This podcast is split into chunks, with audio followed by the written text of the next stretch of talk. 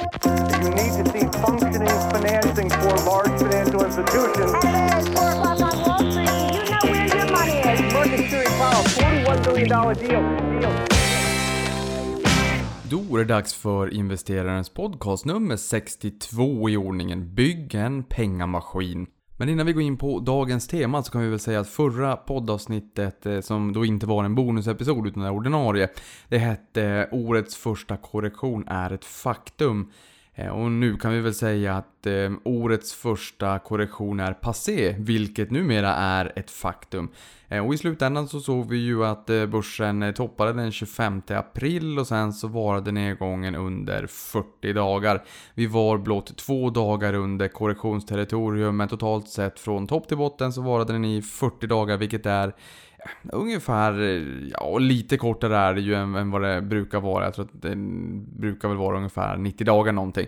Så att det, det är klart att det var ju kanske hälften av så lång som snittnedgången har varit den, de eh, senare eh, årtionden när vi har fått en korrektion på börsen. Som du vet nu då är en vanlighet och vi brukar få den en gång om året. Eh, den här gången så varade nedgången i 12% och sen botten 3 juni. Nu när det här spelas in som sagt 17 juni, det vill säga två veckor senare, så har börsen stigit 6,2%. Så att vi är ju med en god marginal ute ur eh, korrektionsfasen helt enkelt. Så att årets första korrektion är ett faktum, det är passé. Det vart i efterhand ett köpläge och nu är vi återigen uppe ovanför korrektionsterritorium. Men det är inte någonting att sörja, det kommer fler tillfällen, så här är det alltid. Och man kan väl också reflektera kring att är det så att du sparar löpande, ja 40 börsdagar, då hann du, eller ja 40 dagar tutti, inte faktiskt 40 börsdagar utan 40 dagar totalt sett, så mindre än 40 börsdagar, så hann du blott få in ytterligare ett sparande om det är så att du månadssparar löpande. Ehm, det är intressant, jag har sagt det förut, här toppade börsen i år 25 april och eh, toppen är den 27 april 2015. Den toppen har vi återigen påminner om det inte är återtaget. Börsen har konsoliderat de senaste åren. Då kan man ju tycka att jo, men den är ju visst upp, man måste räkna med utdelningen. Absolut, men i sånt fall kan vi också säkerställa eh, och reflektera kring att det är egentligen enda avkastningen vi har fått de senaste fyra åren. Ja, det är ju att vi har klippt kuponger då helt enkelt och det är fortsatt så. Vi ska upp på 17.20 för att ta igen 27 april då 2015. Eh, Men återigen detta år så, så var vi upp en eh, 4 procentenheter mer än, eh, än toppåret 2015. Eh, Och eh, med bara två dagars skillnad på kalendern så toppade börsen. eh, I år 25 april och i toppåret 2015 då var det den 27 april. Sen är det ju så också att det finns väldigt mycket passivt kapital där ute. Inte minst i USA, världens största kapitalmarknad. Där ser vi att hälften av fondkapitalet återfinns i passiva produkter. Och eh, den andra hälften då i aktivt förvaltade produkter. Och då kan man ju också fundera kring vem är det, eller vilka är det som är vinnare på den här trenden? Eh, oh, en, en solklar kandidat att åtminstone kika lite närmare på kan jag tycka är ju indexkompositören MSCI. Jag är inte aktieägare i bolaget men det är klart att har man tid, ork och lust att sätta sig in i det här bolaget så kanske man bör göra det åtminstone för att se lite grann vad de gör för någonting och huruvida de eventuellt kan vara en vinnare på den här trenden eller inte. Eh, och varför jag säger att de eventuellt skulle kunna vara en vinnare, det är ju just för att de komp komponerar ihop olika index. Och index är ju den underliggande råvaran för indexfonder, alltså passiva indexfonder helt enkelt. De behöver ju ett index att följa. Och de kommer ju inte sitta och komponera ihop de här indexerna själva. Det är klart att någon kan göra det, men sannolikheten är ju låg för det, utan man använder ofta Eh, vedertagna index som finns där ute och där är MSCI mig veterligen en av världens största, om inte världens största eh, kompositör just av index då. Och aktien här är upp 420% de senaste fem åren exkluderat utdelning. Sen har jag också läst in boken Aktieskolan hos Storytel den här veckan. Min och Johanna Kulls bok Aktieskolan som är efterföljaren av Sparskolan som redan finns på Storytel. Nu kommer Aktieskolan inom väldigt kort, bör släppas i slutet på juni eller början på juli. Och det innebär också att det ytterligare ytterligare kommer lite mera fritid i mitt liv. Jag skulle bli tvåbarnsfar i augusti, men det kanske finns lite tid att eh, proaktivt, vad vet jag, bjuda in lite mera bolag i, i podden. Förra veckan hade vi ju Intrum ett år senare när vi följde upp och såg här hur nära målen 2020 man är om vinsten om 35 kronor per aktie med mera. Och sen hade vi också Toby, eh, som, är, som var en spännande podd att spela in. Med tanke på att de är världsledande i alla tre affärsområden, Dynavox, Tech och Pro. Så att har du inte lyssnat på den så rekommenderar jag varmt att lyssna på den. Antingen så kanske du tycker att det låter intressant, köper aktier, eller så köper du inga aktier i bolaget. Men fördelen med att lyssna in de här poddarna när börsbolagen gästar, det är ju att man får lära känna lite fler bolag på börsen. Så det är ju lite av finansiell allmänbildning. Du kanske köper aktien idag, eller i framtiden, eller så köper du den inte överhuvudtaget någonsin. Men just att man lär sig lite mer om de bolagen som faktiskt kallar Stockholmsbörsen eh, sitt hem. Eh, sen är det också snart dags för Almedalen och då kommer jag traditionsenligt att intervjua Stockholmsbörsens noteringschef Adam Kostial och börsens chef Lauri Rosendahl.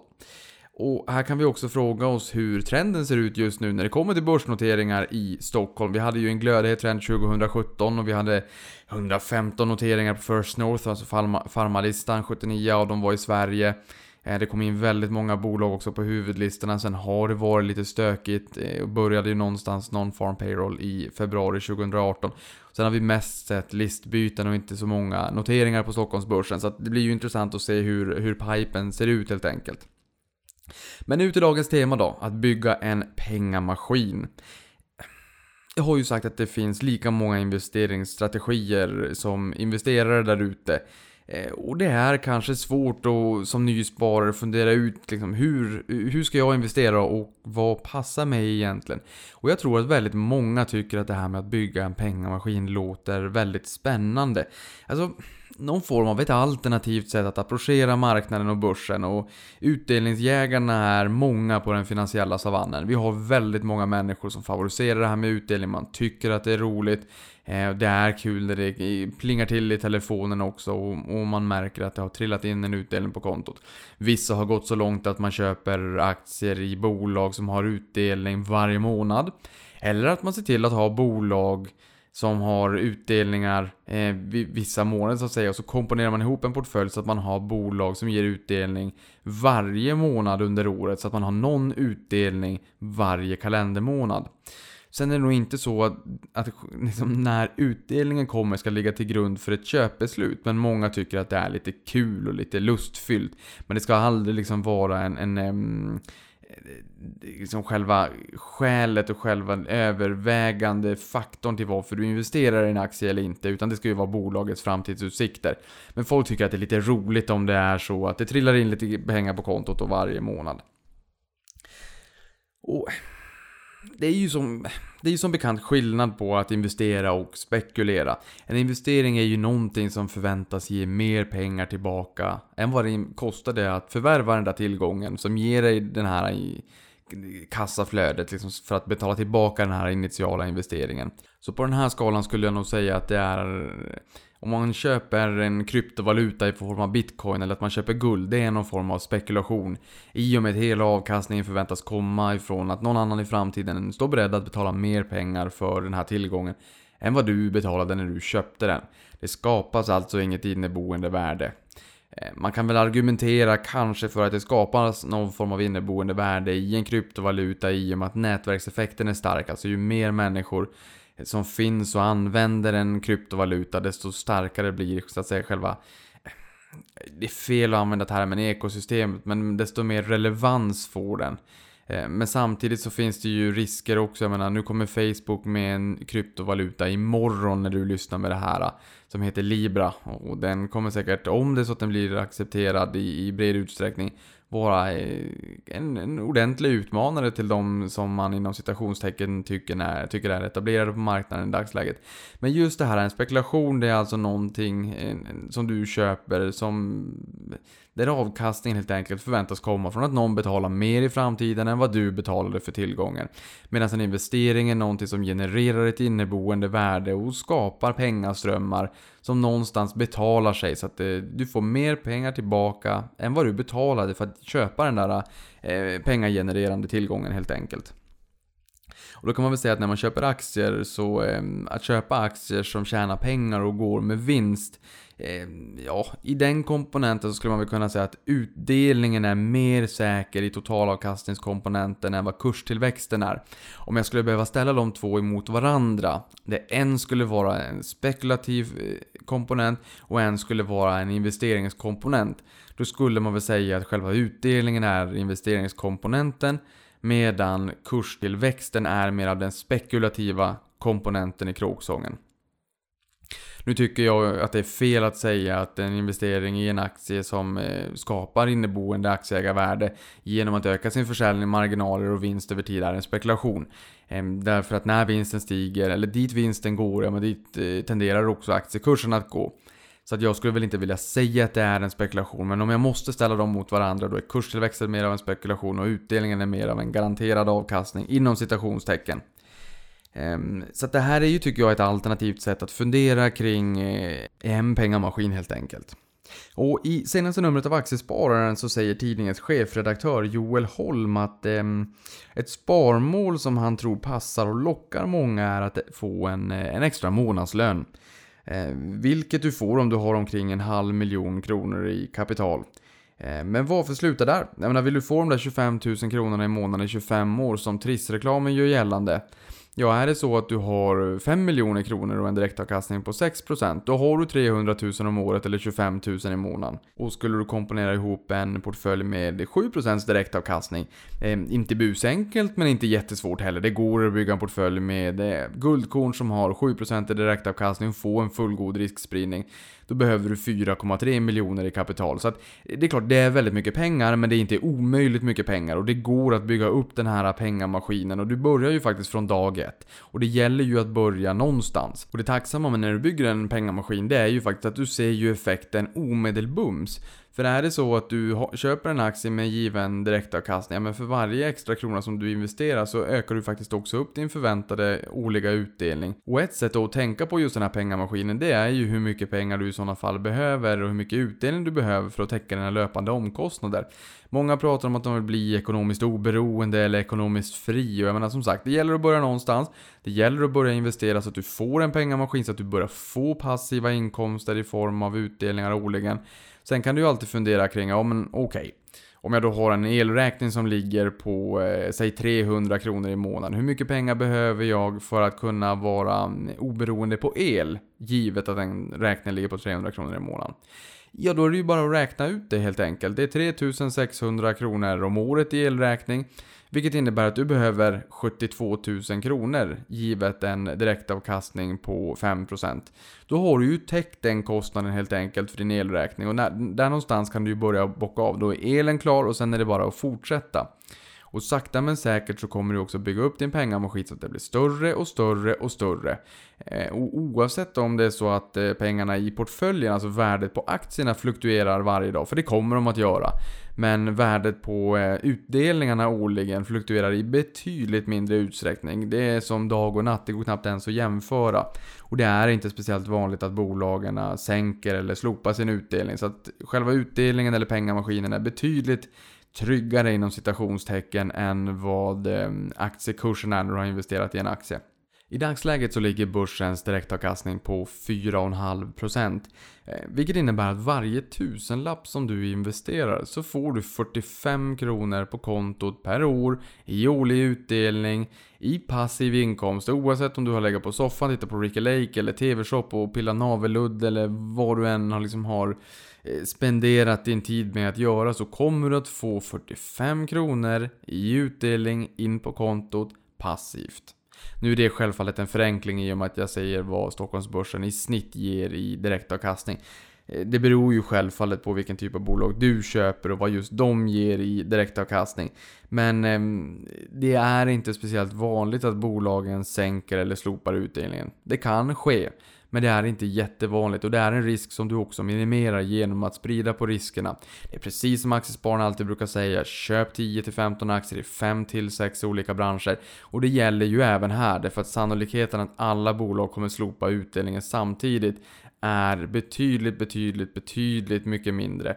Eh, att ett bolag ska slopa utdelningen är ganska låg sannolikhet, men den existerar, men att alla ska göra det samtidigt, den eh, risken får anses vara väldigt, väldigt eh, ringa helt enkelt. Och just det här med att bygga en pengamaskin, det är ganska tillfredsställande. Just månad 1, säg att du sparar 1000 kronor i månaden. Månad 1 så får du alltså, eh, ja du får ju inte utdelningen kanske månad 1, för den kommer ju oftast på vårkanten april-maj. Men du har ju byggt upp en förväntad årlig utdelning på 45 kronor månad 1. Och efter 12 månader, alltså efter ett år, då har du ju byggt upp en förväntad årlig utdelning på 540 kronor.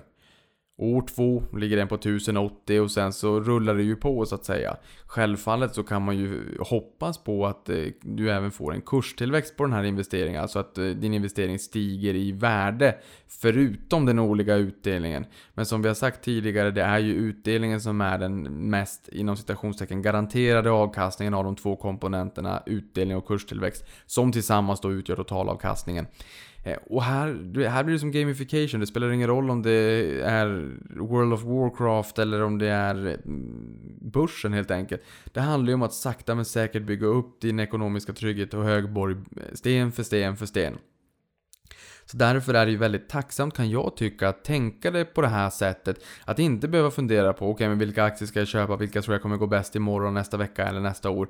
Utan snarare vända på det och tänka, men okej, okay, hur bygger jag upp en ekonomisk högborg? Hur bygger jag en egen pengamaskin? Hur ser jag till att köpa aktier och investera pengar som kommer att ge en årlig utdelning, som kommer att trilla in på, mina konto, eh, på mitt konto, hard cash kommer in på kontot, vare sig du vill eller inte. De kommer trilla in där. Det är ditt jobb att återinvestera pengarna och sätta dem i arbete så att du verkligen får åtnjuta ränta på ränta-effekten. Men är det så att du är i ett skede i livet där du känner att du behöver utdelningen som en form av inkomstförstärkning, då så, det är helt upp till dig. Ehm, är det så att du har tiden på din sida och har en lång investeringshorisont så rekommenderar jag starkt att du återinvesterar utdelningen och låter den jobba på över tid. Men är det så att du inte har den tiden på din sida, ja men då så. Ta kassaflödet, ta utdelningen och gör precis vad du vill av den. Sparande är upp, uppskjuten konsumtion och är det så att du bygger din pengamaskin och du behöver pengarna som trillar in på kontot, då använder du dem. Svårare än så är det inte. Men det intressanta är att du ser så pass konkret också den summa som du faktiskt förväntas kunna få år över år. När du, i takt med att du investerar på börsen och i takt med att du också vet vilken direktavkastning din portfölj har. Har du konto på Avanza så loggar du in på ditt konto och sen så kan du se där vilken direktavkastning du har på portföljen helt enkelt. Lätt och smidigt. Sen ska vi också komma ihåg att eh, det är ju eh, i samband med bokslutet, alltså när bolagen släpper sina Q4 och de brukar ju komma i mm, slutet på januari, början på februari någonstans. Då föreslår man ju man, man räknar samman hur föregående börsår var, alltså 2018 nu senast. Eh, och sen så föreslår ju styrelsen till årsstämman att besluta om en viss given utdelning. En utdelning som ofta stiger faktiskt. Eh, och här kan vi också säga att sparar du 5000 kronor i månaden till 7% årlig avkastning så har du en miljon efter 11 år. Eh, och då får du en utdelning på 45 000. Då är det inte de här 45 kronorna månad 1 eller 540 kronorna efter ett år utan då får du 45 000. Eller 3 750 kronor i månaden om man slår ut det. Ehm, och historiskt, om vi tittar på hur utdelningstillväxten har sett ut, så har den varit 5-7% globalt på årlig basis.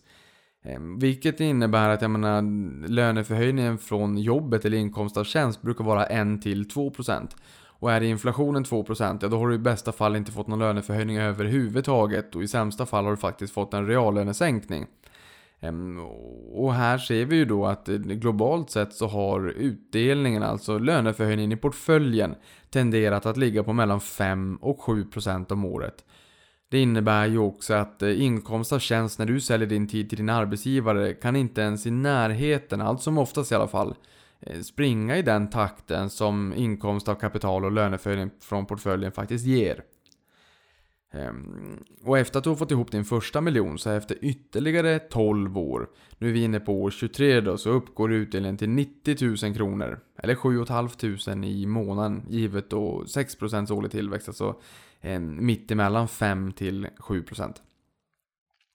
Så även det är ju ett bra exempel om, till varför du faktiskt ska investera och tänka långsiktigt. 5000 kronor i månaden är ingen struntsumma men det är heller inte oöverkomligt. Speciellt inte om man är två i hushållet och har någorlunda eh, okej okay kostnader så att säga. Att man inte har dragit på sig några dyra vanor. Så att det går. Och det går att bygga den här pengamaskinen som jag pratar om. Det gäller bara att starta helt enkelt. Och att då fokusera på utdelningsaktier så att man inte investerar i förhoppningsbolag som inte tjänar pengar eller inte går med vinst. Och inte har någon utdelning i tron och förhoppningen om att de ska ha det i framtiden. För då innebär det ju att kassaflödet är noll i dagsläget. Eh, ja, ditt kassaflöde så att säga, utdelningen då. Men eh, sen är det också intressant att det finns ju tre faktorer som faktiskt talar för en eh, höjd utdelning i portföljen löpande. Eh, och det är dels då att du har ett löpande sparande som du köper utdelningsaktier för. Alltså att du sparar varje månad och köper utdelningsaktier. Som i sin tur sen ger dig utdelning varje år. Eh, eller åtminstone klubbas varje år. Vissa aktier har ju börjat ge utdelning halvårsvis eller kvartalsvis. Men en, ol, en årlig utdelning. Oavsett hur, hur periodiciteten ser ut. Alltså hur ofta man betalar ut den. Sen eh, den utdelningen som du får återinvesterar du och köper fler aktier som ger utdelning. Så att du har alltså sparat löpande och köpt utdelningsaktier. Du har fått utdelning vars utdelning du har använt för att återinvestera och köpa fler aktier som ger utdelning. Och den tredje komponenten är ju den vi har pratat om då, att eh, bolagen tenderar att öka sin utdelning över tid. Och är det så att vinsten stiger i bolaget så tenderar ju också utdelningen att stiga. För utdelningen är ju en andel av vinsten och stiger vinsten och man har en bibehållen utdelningsandel, ja då stiger ju också eh, utdelningen helt enkelt. Så det är de tre faktorerna som talar för en högre utdelning. Så att du köper och börjar investera i en pengamaskin, du köper aktier som ger utdelning, du återinvesterar utdelning som ger fler utdelningsaktier och utdelningsaktierna höjer sin utdelning över tid. Tre faktorer som talar för din pengamaskin helt enkelt. Men däremot så är det ju också viktigt att ha koll på riskerna. Det finns alltid risker, så även när det kommer till en pengamaskin. Och det här har jag pratat om i tidigare avsnitt också. Men jag tänker jag drar snabbt igenom dem bara så att jag påminner om dem. För att eh, repetition sägs ju vara kunskapens moder. Och det blir faktiskt en repetition även i det här avsnittet, för jag har redan sagt det här. Men jag vill återigen poängtera och påminna om att sprid på riskerna. 10 till 15 aktier i 5 till 6 olika branscher, minst gärna fler. För är det så att du bygger en pengamaskin, då spelar det inte jättestor roll eh, om det är så att du säger nej tack till en viss eh, given kursraket i portföljen som blir utspädd för att det är så väldigt många olika aktier i portföljen och att det här eh, fantastiska raketen, om man så säger, får en för liten vikt i portföljen. Är det nu en fantastisk raket så kommer den ändå ta utrymme och armbåga sig fram i portföljen och ändå växa och bli väldigt stor. Men just när det kommer till en pengamaskin så är ju det viktigaste i sånt fall inte att du prickar nästa raket. Utan snarare att du har en bra komposition av bolag där risken för sänkt eller slopad utdelning är så liten som möjligt. Och då är det givet att alla bolag ingående i portföljen har en attraktiv direktavkastning. Rätt vettigt att man har spridit riskerna så alltså mycket man bara kan. Därför det viktigaste är ju som sagt, det är ju att direktavkastningen i portföljen är precis så hög som du vill ha den. Och då skadar det ju inte att ha några fler aktier helt enkelt. Sen kan du också säkerställa att utdelningsandelen inte är för hög. De flesta bolagen på Stockholmsbörsen delar ut mellan 30 60 och 70% av resultatet över en konjunkturcykel om finanserna tillåter. Många bolag men inte alla har ju en utdelningspolicy också. Så att sök upp senaste årsredovisningen eh, om det nu är så att du vill ha Investor. Eh, då googlar du på Investor följt av Investor Relations eller Investor årsredovisning 2018. Det är vilket som du hittar eh, årsredovisningen alldeles oavsett hur du då gör. Och sen så kan du söka i dokumentet, sök på utdelning säger vi. Ehm, då bör du få ett svar och hitta till om det finns en utdelningspolicy. Sen ska du också säkerställa att direktavkastningen inte är alldeles för hög. Jag har sagt att direktavkastningen på börsen ligger på runt 4,5% så allting därutöver kan till, eh, sägas då vara en hög direktavkastning medan eh, det, de siffrorna under 4,5% får sägas vara låg eller lägre än snittet. Men är det så att ett bolag har en direktavkastning på 8, 9, 10% då ska man nog fundera sig lite grann kring vad det beror på. Därför är det värt att påminna om att eh, direktavkastningen ju ehm, beräknas som utdelningen i relation till aktiekursen. Aktiekursen är dagsfärsk. Men eh, utdelningen är det inte. Säg att vi ehm, köper en aktie i december 2018 eh, och då ser vi att direktavkastningen är 10%. Det är ju bara det att eh, den baseras ju på utdelningen per vårkanten 2018 om det är så att utdelningen då eh, delades ut då. Eller egentligen snarare kanske februari om det är så att eh, årsstämman höll till då, det gör den väl sällan. Men, men första, första kvartalet i alla fall.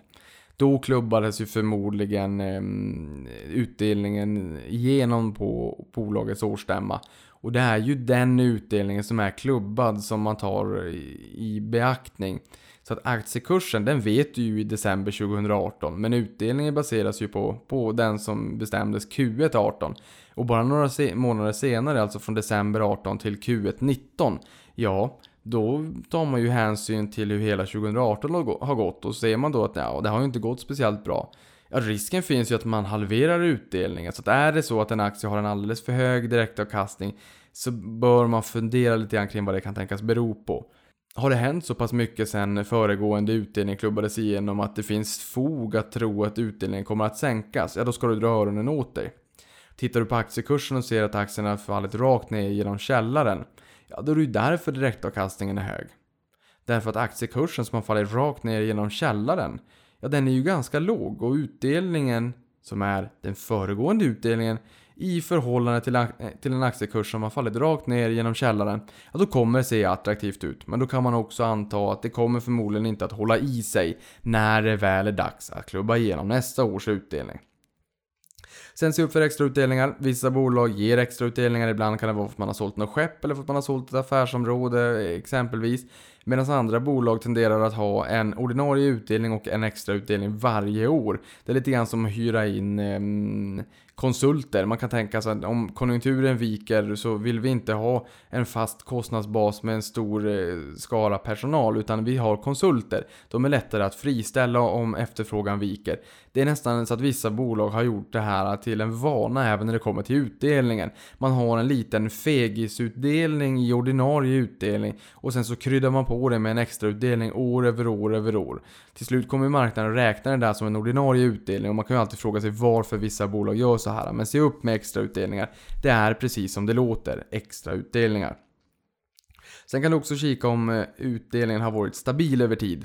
Är det så att den har varit väldigt slagig, dra öronen åt och fundera kring hur det kan tänka se ut framåt. Men har den varit stabil och stigande så är det ju i sådana fall mer betryggande. Sen sa jag också att utdelningen är en andel av vinsten. Så därför kan det också vara rätt klokt att se hur vinsttillväxten har sett ut över tid och kanske också hur eh, stabil vinsttillväxten har varit. Har den varit sakta stigande eller kanske snabbt stigande över åren så det är betydligt mycket bättre än om det har varit väldigt stora slag mellan åren och eh, baserat på efterfrågan i, i ekonomin och konjunkturen. Så att en stabil vinstutveckling är ju betydligt mycket mer betryggande än om det är en väldigt slagig utveckling för vinsten. Sen kan man också kika på om balansräkningen är ansträngd. Kan det kanske vara så att om balansräkningen är ansträngd, man brukar ofta tala om nettoskuldsättningen i förhållande till rörelseresultatet före av och nedskrivningar. Det är ett eh, nyckelmått som många bolag använder. Net debt genom ebitda. Är det så att den är uppe på en bit över tre eh, gånger så är det många bolag som brukar mm, tycka att man ska beta ner den där. Många brukar ligga i någonstans mellan 0 och 3 gånger net, eh, net ebitda. Är den därutöver så kanske det är så att det står i deras eh, fokus att man ska försöka beta ner den där. Och är det då så att det kommer ett pangförvärv som man inte riktigt kan tacka nej till, ja, då kanske risken finns att man faktiskt slopar utdelningen och säger till aktieägarna att eh, vi behöver behålla den här för att kunna göra det här förvärvet. Eh, någonting mer vanligt kanske är att man tar upp någon form av kreditfacilitet hos en kreditgivare Eh, banken eller emittera någon form av obligation men alla bolag kommer ju inte ha möjlighet till det. Så att mm, man kan ju alltid fundera kring om det finns en risk givet då om balansräkningen är ansträngd. Sen får man också kika på hur utdelningstillväxten har sett ut. Alltså utdelningen idag i förhållande till utdelningen de senaste åren. Eh, och här har jag ju ett solskensexempel som jag gärna vill dela med mig av och det är ju Avanza, min arbetsgivare. Där aktien kostade 10 kronor och 50 öre under 2002. Men där man 2015, det vill säga 13 år senare, faktiskt ökade den ordinarie utdelningen till 10 kronor och 50 öre per aktie. Nu gäller ju inte det i dagsläget i och med att vi har gjort en split 5 1, det vill säga 5 nya aktier per en gammal aktie. Så att 10 kronor och 50 öre, det får du ju dela med i 5 då för att få motsvarande utdelning på 10,50. Men efter aktiesplitten helt enkelt. Men det här är ju ett solskensexempel där du 13 år senare kan få tillbaka din initiala investering en gång om året. För det är ju nämligen så, när utdelningen kommer, när du får in 10 kronor och 50 öre på kontot, ja då får du ju in det, den investeringen som du betalade initialt för hela din investering. Aktien kostade 10,50 2002, utdelningen är 10,50 2002. Så för varje aktie du köpte då, så får du tillbaka hela den investeringen varje år idag. Och det är ju någonting som vi kallar för yield on cost. Alltså vad har du för direktavkastning i förhållande till den kursen du köpte aktier för? Och det här tror jag är ett mått som inte alla riktigt tänker på. Eh, den återfinns också det här nyckeltalet på Avanza så du kan kika på vad du har för yield on cost i portföljen. Eh, men säg så här, du köper en aktie för 100 kronor där utdelningen är 5 kronor. Det innebär att direktavkastningen är 5%, det vill säga 5 kronor i utdelning delat på 100. Eh, och då platsar den kanske också i din utdelningsportfölj. För kom också ihåg att alla aktier inte behöver ge 7% i direktavkastning även om det är så att du vill ha 7% i portföljen. Du kanske köper något bolag som har en liten bit över 7% och några bolag som har en liten bit under 7%. Så länge liksom kombinationen, mixen i portföljen totalt sett, den aggregerade utdelningen i portföljen har 7% om det nu är 7% du vill ha. Sen kan du ju också välja att vikta det olika. De bolagen som ger en högre direktavkastning kanske också får en högre andel i portföljen. Och de bolagen som har en lägre direktavkastning också får en lägre vikt i portföljen. Det där väljer du ju helt själv. Men säg då de här aktien då för 100 kronor med 5 kronor i utdelning, det är 5%. Är det sen så att aktiekursen sticker från 100 kronor till 200 kronor Ja, givet att eh, bolaget fortfarande har en utdelning på 5 kronor, ja då är det ju direktavkastningen 2,5%. Vilket innebär att den som köper aktien då får 2,5%. 5 kronor delat på 200 kronor. Men du har ju betalt 100 kronor för aktien. Det kan ju ingen någonsin ändra på. Du har betalt 100 kronor och du har aktien i portföljen. Vilket innebär att du har en yield on cost på 5%. Eh, det innebär att din direktavkastning på det pris du betalade för aktien är 5%. Tittar vi på Avanza-exemplet så är den yield on cost 100%. Det vill säga avkastningen, direktavkastningen är 100% på den initiala kostnaden du, du hade när du köpte aktien. 10 kronor och 50 öre delat på initial investering om 10 kronor och 50 öre när du köpte Avanzaxen 2002. Det vill säga din yield är 100% om året. Och det här är ju också väldigt trevligt när det är så att man får en liten utdelningstillväxt i portföljen. Nu om det är så att du väljer en portfölj där du har satt samman en, ett knippe guldkorn som har en direktavkastning på 7%. Ja, då kanske det är så att de här bolagen är mogna, delar ut en större del av resultatet och inte ser sin vinst stiga speciellt mycket. Det innebär ju att utdelningstillväxten heller inte kommer vara särskilt god, rimligtvis, om utdelningsandelen är hög och vinsttillväxten ganska medioker i bolaget. Ehm, då är det liksom så här, när du tittar på direktavkastning, what you see is what you get lite grann. Men är det så att du har en utdelningstillväxt och du kanske har en liten utdelningstillväxt i de här bolagen medan andra bolag med en lägre eh, direktavkastning idag brukar kunna kanske ge en lite högre utdelningstillväxt. Men då får du ju en, en yield on cost som skiljer sig från bolagets direktavkastning alldeles oavsett hur du gör. Ju längre tid du har i marknaden, desto längre tid du sitter på aktierna, desto fler år av utdelningshöjningar, desto högre yield on cost kommer ju du också att få helt enkelt. Och sen vill jag återigen trycka på att utdelningen i portföljen inte ens svänger i närheten av börskurserna. Börskurserna svänger varje dag på börsen. Oftast kanske plus 0,5, minus 0,5, vissa dagar över, över eller under 1%. Vissa dagar ännu mer om den är lite ovanligare. Eh, men det är ovanligt att bolagen sänker eller slopar sin utdelning. Det var Swedbank, SEB och Electrolux som slopade utdelningen 2008 och sen så återtog man dem kort därefter. Ehm, så om aktiekurserna sjunker, ja men då stiger ju direktavkastningen. Är det så att aktiekursen sjunker från 100 kronor ner till ehm, 80 kronor, ja men då har vi också sett att direktavkastningen stiger från 5% till 6,25%. Ehm, om det är så att det var en aktie som kostade 100 kronor med en utdelning på 5 kronor. Och ibland är det ju så att aktiekurserna sjunker även fast förutsättningarna för bolaget att betala utdelningen inte påverkas. Det kan vara ett sentimentsomslag på börsen som gör att det är lite risk-off helt enkelt. Och där kan man ju också vara där och fundera kring hmm, det spelar inte så stor roll om kurserna i portföljen rör sig, men nu kan jag köpa kassaflöden, nu kan jag köpa utdelningen lite billigare. Och helt plötsligt har jag fått eh, en möjlighet att köpa in mig till 6,25% direktavkastning istället för 5 som jag initialt betalade när jag investerade första gången. Eh, och det bästa är ju att eh, liksom, din direktavkastning i portföljen är ju ett resultat av alla dina köp i portföljen helt enkelt. Och rimligtvis så kommer du ju att fortsätta köpa aktier löpande, även om det är en utdelningsportfölj. Så att din totala direktavkastning i portföljen eh, Ja, köper du en aktie för 100 kronor med 5 kronor i utdelning, då är ju direktavkastningen 5% på det första köpet. Men i takt med att aktien stiger så sjunker ju också direktavkastningen på kommande köp. Om inte utdelningen stiger, vilket den tenderar ändå att göra över tid. Men i det korta perspektivet. Och om aktiekursen faller, alltså sjunker, då kommer ju också direktavkastningen att stiga. Givet att de kan bibehålla sin utdelning. Så det här är ju ett vågspel hela tiden, för varenda köp som görs så kommer du ju att förändra direktavkastningen i portföljen. Eh, du kommer att förändra direktavkastningen i procentuella termer, kanske uppåt eller neråt. Men för varje köp som görs så kommer du ju rimligen att öka utdelningen i kronor och ören varje år helt enkelt. Du bygger din pengamaskin. Eh, tegelsten för tegelsten. En annan intressant reflektion är att tidningen Moneyweek skrev i senaste numret att större delen av avkastningen kommer från utdelning. Eh, och det har, vi, ju- har jag ju berättat om många gånger det här exemplet då att eh, Investor sen jag föddes 1987 har stigit runt 6 500 procent. Eh, runt 14,6 procent om året ungefär och där är det två tredjedelar är utdelning och en tredjedel är kurstillväxt.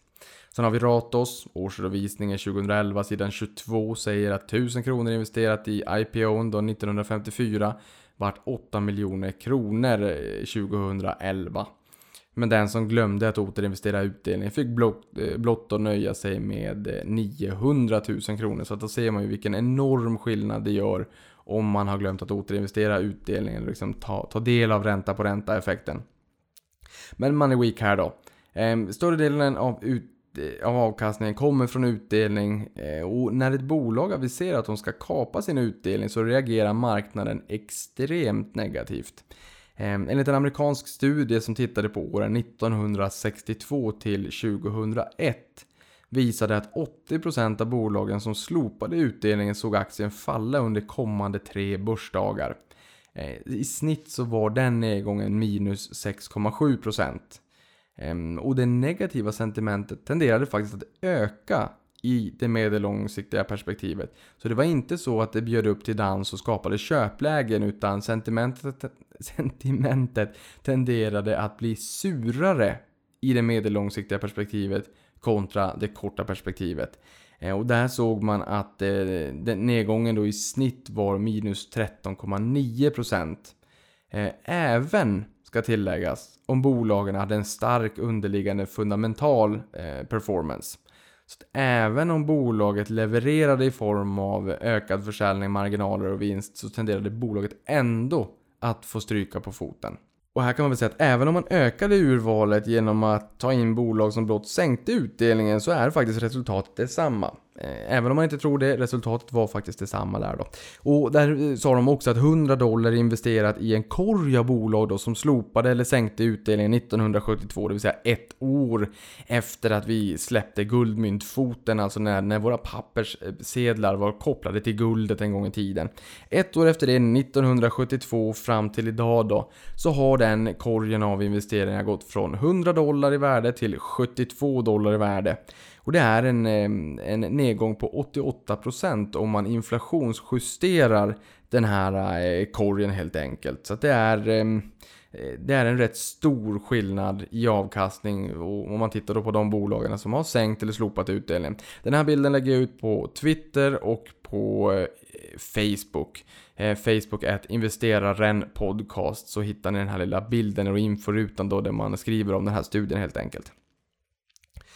Eh, och vill du ha amerikanska bolag till pengamaskinen så kan du ju alltid titta på Dividend Aristocrats och Dividend Kings. Direktavkastningen är låg men eh, utdelningstillväxten brukar vara desto bättre. Direktavkastningen i fjol låg på runt 2,5% så att det är ju inte i närheten av 5, 6, 7 procentenheter men utdelningstillväxten är ofta ganska god. Ehm, helt enkelt, så där kan man kika om det är så att man vill ha amerikanskt i portföljen också. Men där vill jag påminna om valutadimensionen. Det är inga konstigheter att eh, kronan stärks en 2-3% mot eh, dollarn. Och då blir det ju en nollsummeaffär. Eftersom att du investerar i utländsk valuta men att du någon gång faktiskt ska växla tillbaka din utländska investering som är denominerad i utländsk valuta tillbaka till svenska kronor. Och får du betala mer dollar för varje svensk krona när du växlar tillbaka, ja då kan det ju ganska enkelt bli så att det blir en nollsummaffär, så att det är ju viktigt att komma ihåg. Hörrni, nu är det dags för ett nyhetssvep och då kan vi väl börja med att säga att de amerikanska bolagen United Technologies i Dow Jones och Raytheon slås samman och blir därmed världens näst största flyg och försvarskoncern efter Boeing. Samgåendet kommer inte dock att inkludera United, United Technologies hiss och rulltrappsbolag Otis eller luftkonditioneringsdelen Carrier. Eh, och här kan man ju fundera om Kone är nyfiken, eh, men jag undrar om de skulle få genomföra en sån affär av konkurrensskäl. Ehm, ehm, Kone har ju då varumärket Kone. Eh, Kone står för maskin på finska. Ehm, och eh, Otis är ju världens största hiss och eh, rulltrappsvarumärke eh, helt enkelt. Så att ofta ser man ju Otis i rulltrapporna. Ibland Kone och ibland Thyssen ThyssenKrupp i Tyskland då. Sen på tal om Boeing så aviserade bolaget att inga nya orders för flygplan inkom under maj, vilket är andra månaden i rad utan orders i kölvattnet på krisen kring 737 MAX 8. Leveranserna leveransen av plan föll 56% year on year till 30 plan. Samtidigt levererade franska Airbus 81 plan, upp 59% year on year. Så att en rätt stor skillnad mellan de två bolagen här under maj månad. Beyond Meat fortsätter att visa starkt momentum och fick ytterligare fart idag efter att bolaget meddelade att man tänkt producera växtbaserad köttfärs. Ehm, det blir en ny form av köttfärssås och spaghetti framgent. Då kan man ju ha eh, sån här bönpasta och eh, växtbaserad köttfärs. Det blir verkligen en alternativ spaghetti och köttfärssås. Under dagen var aktien upp, nej under dagen var det definitivt inte. Ja, i och för sig. Under dagen var aktien upp 568% sen noteringen i maj, det stämmer ju då faktiskt. Så att aktien har ju gått väldigt, väldigt bra sen, eh, sen aktien noterades. Eh, den har varit ner lite grann för att det var någon av analyshusen som tyckte att nu har det gått liksom lite grann beyond reason. Men nu kom de då med den här nyheten och då fick aktien ytterligare lite fart igen. Sen har vi Citadel som dyker upp som storblankare i Axfood med en kortning på 0,53% av kapitalet enligt Holdings. Eh, Förvisso ska ju en blankningsposition överstiga 0,5% för att vara publik, så att om positionen är stor vet jag inte. De kanske menar att, att just Citadel är en stor blankare på marknaden generellt. Sen har vi Global Gaming 555 som handelsstoppades på börsen efter att ett dotterbolag som då också äger varumärket Ninja Casino har tappat sin spellicens efter grava brister i verksamheten.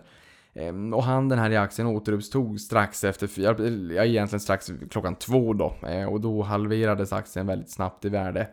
Ehm, och på Ekonomiekot så sa man att uppemot 93% av intäkterna i bolaget kommer från just varumärket Ninja Casino. Eh, och här kan vi ju också säga att i årsredovisningen i fjol så pekade man också på att man hade haft en, en tillväxt på 100% och var väldigt stolt över det. Eh, och menade också att i mångt och mycket så hade man just det starka varumärket Ninja Casino att tacka. Och just det här med starka varumärket Ninja Casino återkom väldigt ofta i, i redovisningen. Eh, och det här bolaget har ju gjort lite reklam varstans för att ta en reklampaus. Ehm, och det blir ju lite ironiskt nu får man väl ändå säga. Sen har vi Storytel som har lanserat sin ljudbokstjänst i Tyskland som därmed blir bolagets 17 marknad.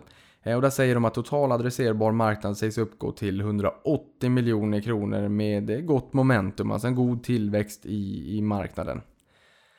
Sen har vi fått välkomna ett nytt bolag till den amerikanska börsen Nyse som heter Chewy som säljer mat och tillbehör till våra små håriga vänner. Men ingen liten start på börskarriären. Aktien steg som mest 87,9% och stängde på plus 59%. Eh, det här bolaget ökade försäljningen 68% i fjol, men trots det så mm, ställer den in sig i ledet med de senaste noteringarna bland techbolagen, alltså att man då inte går med vinst eh, riktigt ännu helt enkelt.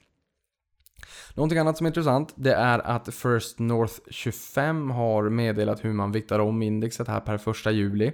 Eh, och då kan man säga att Admicom, Amasten, Minesto, Ovzon, SBB, SmartEye, SpectraCure och Storytel kommer att läggas in i Nasdaq First North 25 index från och med då 1 juli. Och de bolagen som får bereda plats för, för de här nykomlingarna och som då och därmed åker ut ur indexet är Axichem, Nlabs, Trianon, Global Gaming 555, Stibtech, eh, ni får ursäkta uttalet om jag är helt fel ute, Vostok Emerging Finance, ja det var det sista då, kommer att lämna indexet då helt enkelt. Sen har vi Tobin Properties som har ansökt om avnotering efter att Rutger Arnhultsklövern begärt tvångsinlösen när man har 90% av kapitalet. Eh, och sista handelsdag med stamaktien och preferensaktien är satt till fredagen den 28 juni. Sen har vi Scanias comeback. Volkswagen börsnoterar lastbilsdivisionen Traton i Frankfurt och på Stockholmsbörsen med handelsdag 28 juni. Alltså samma dag då som Tobin Properties avnoterar både stamaktie och preferensaktie. Eh, och indikativ här på Traton eh, uppgår till 13,5 till 16,5 miljarder euro. De ska ut på roadshow nu så vi får se vad det landar på i slutändan. Sen har vi AMF som säger att eh, de ser de lägsta avgifterna på aktiefonder på ett decennium. Ehm, och snittavgiften på fondmarknaden sjönk till 1,41% och i fjol var det då 1,47% enligt AMFs årliga granskning.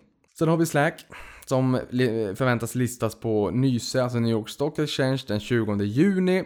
Ehm, och här har de 575 betalande företag med en omsättning då på minst 100 000 dollar, alltså en, en intjäning på minst 100 000 dollar. Och det är 40% av eh, topline för bolaget. En halv miljon registrerade utvecklare som bygger tredjepartsappar och eh, 450 000 tredjepartsappar just nu. Och har integration med Google, Salesforce, Atlassian och Dropbox med flera. Eh, och finns i 150 länder medan de största marknaderna är då USA, Europa och Japan. Håller jag på att komma in i målbrottet också.